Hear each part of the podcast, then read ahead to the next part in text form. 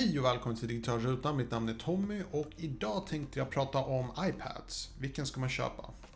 Mycket nöje.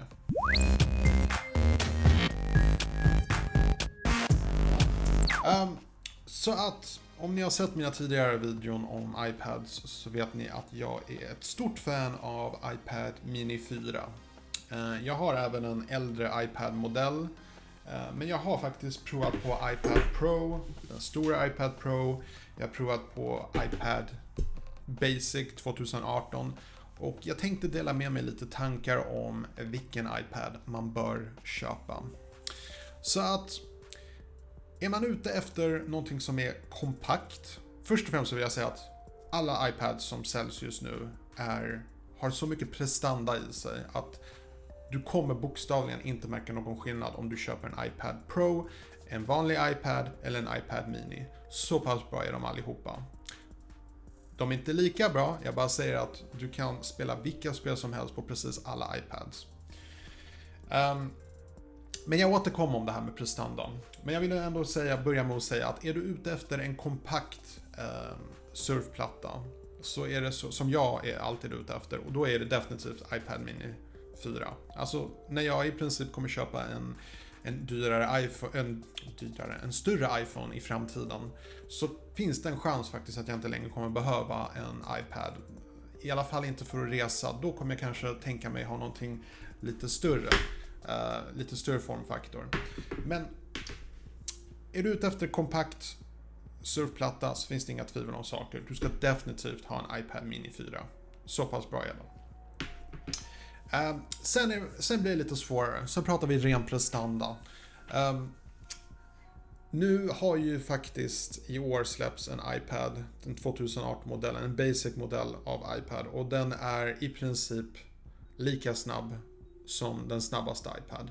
Den har stöd för stylus, men skärmen är inte laminerad, den har mer reflektioner. Um, jag skulle ändå säga att den är ur ett prestandaperspektiv definitivt mycket mer köpvärd än en iPad Pro. Så för vilka skulle jag rekommendera iPad Pro?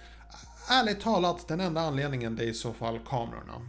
Och jag kan tänka mig att det finns vloggare som eh, vill till exempel filma sig själva. Då har en iPad Pro en Full HD-kamera på framsidan. Så jag kan definitivt tänka mig att en vloggare vill ställa den framför sig och filma i Full HD. Jag har gjort det med min iPhone flera gånger och då uppskattar man verkligen att den har Full HD.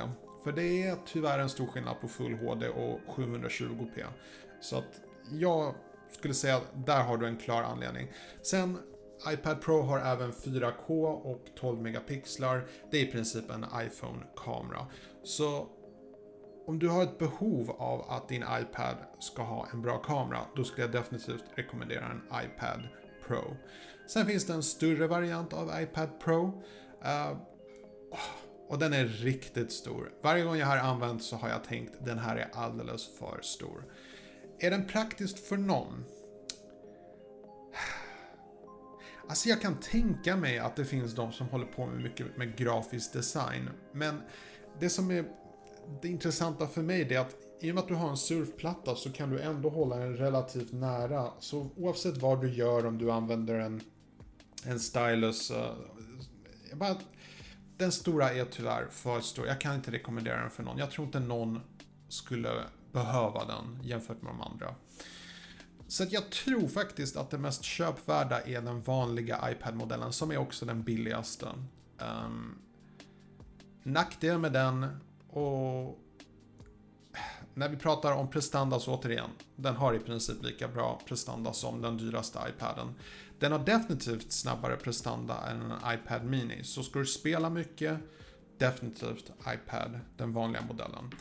Nu till nackdelar om den vanliga iPad-modellen. Och det är helt enkelt det att den har inte laminerad yta, så den har massa reflektioner. Um, inte den bästa skärmen, men jag skulle ändå vilja säga att för de flesta människor, det kommer inte märkas. Alltså man är nog väldigt petig människa om man säger att det är en stor skillnad mellan en iPad och resten av jämfört med en iPad Mini 4 som har laminerad skärm och en iPad Pro som har laminerad skärm. Jag skulle inte säga att det är så stor skillnad.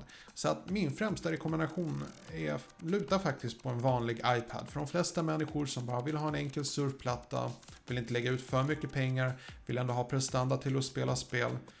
Vanlig iPad, definitivt. Och den säljs överallt från Elgiganten till Siba, NetOnNet och Apple Store. Så att det är en riktigt prismärkt modell. Speciellt det här årets modell som dessutom har stöd för en stylus. Och um, nej, fullständig rekommendation på den. Enda grejen är som sagt, ska du ha en iPad med en bra kamera, titta på iPad Pro. Ska ha en väldigt kompakt iPad, titta på iPad Mini 4. Annars är det faktiskt den vanliga iPaden som gäller. Har du några frågor så är det bara att ställa dem nedan i kommentatorfältet. Som vanligt så passar jag på att önska dig en trevligt fortsatt dag. Mycket nöje.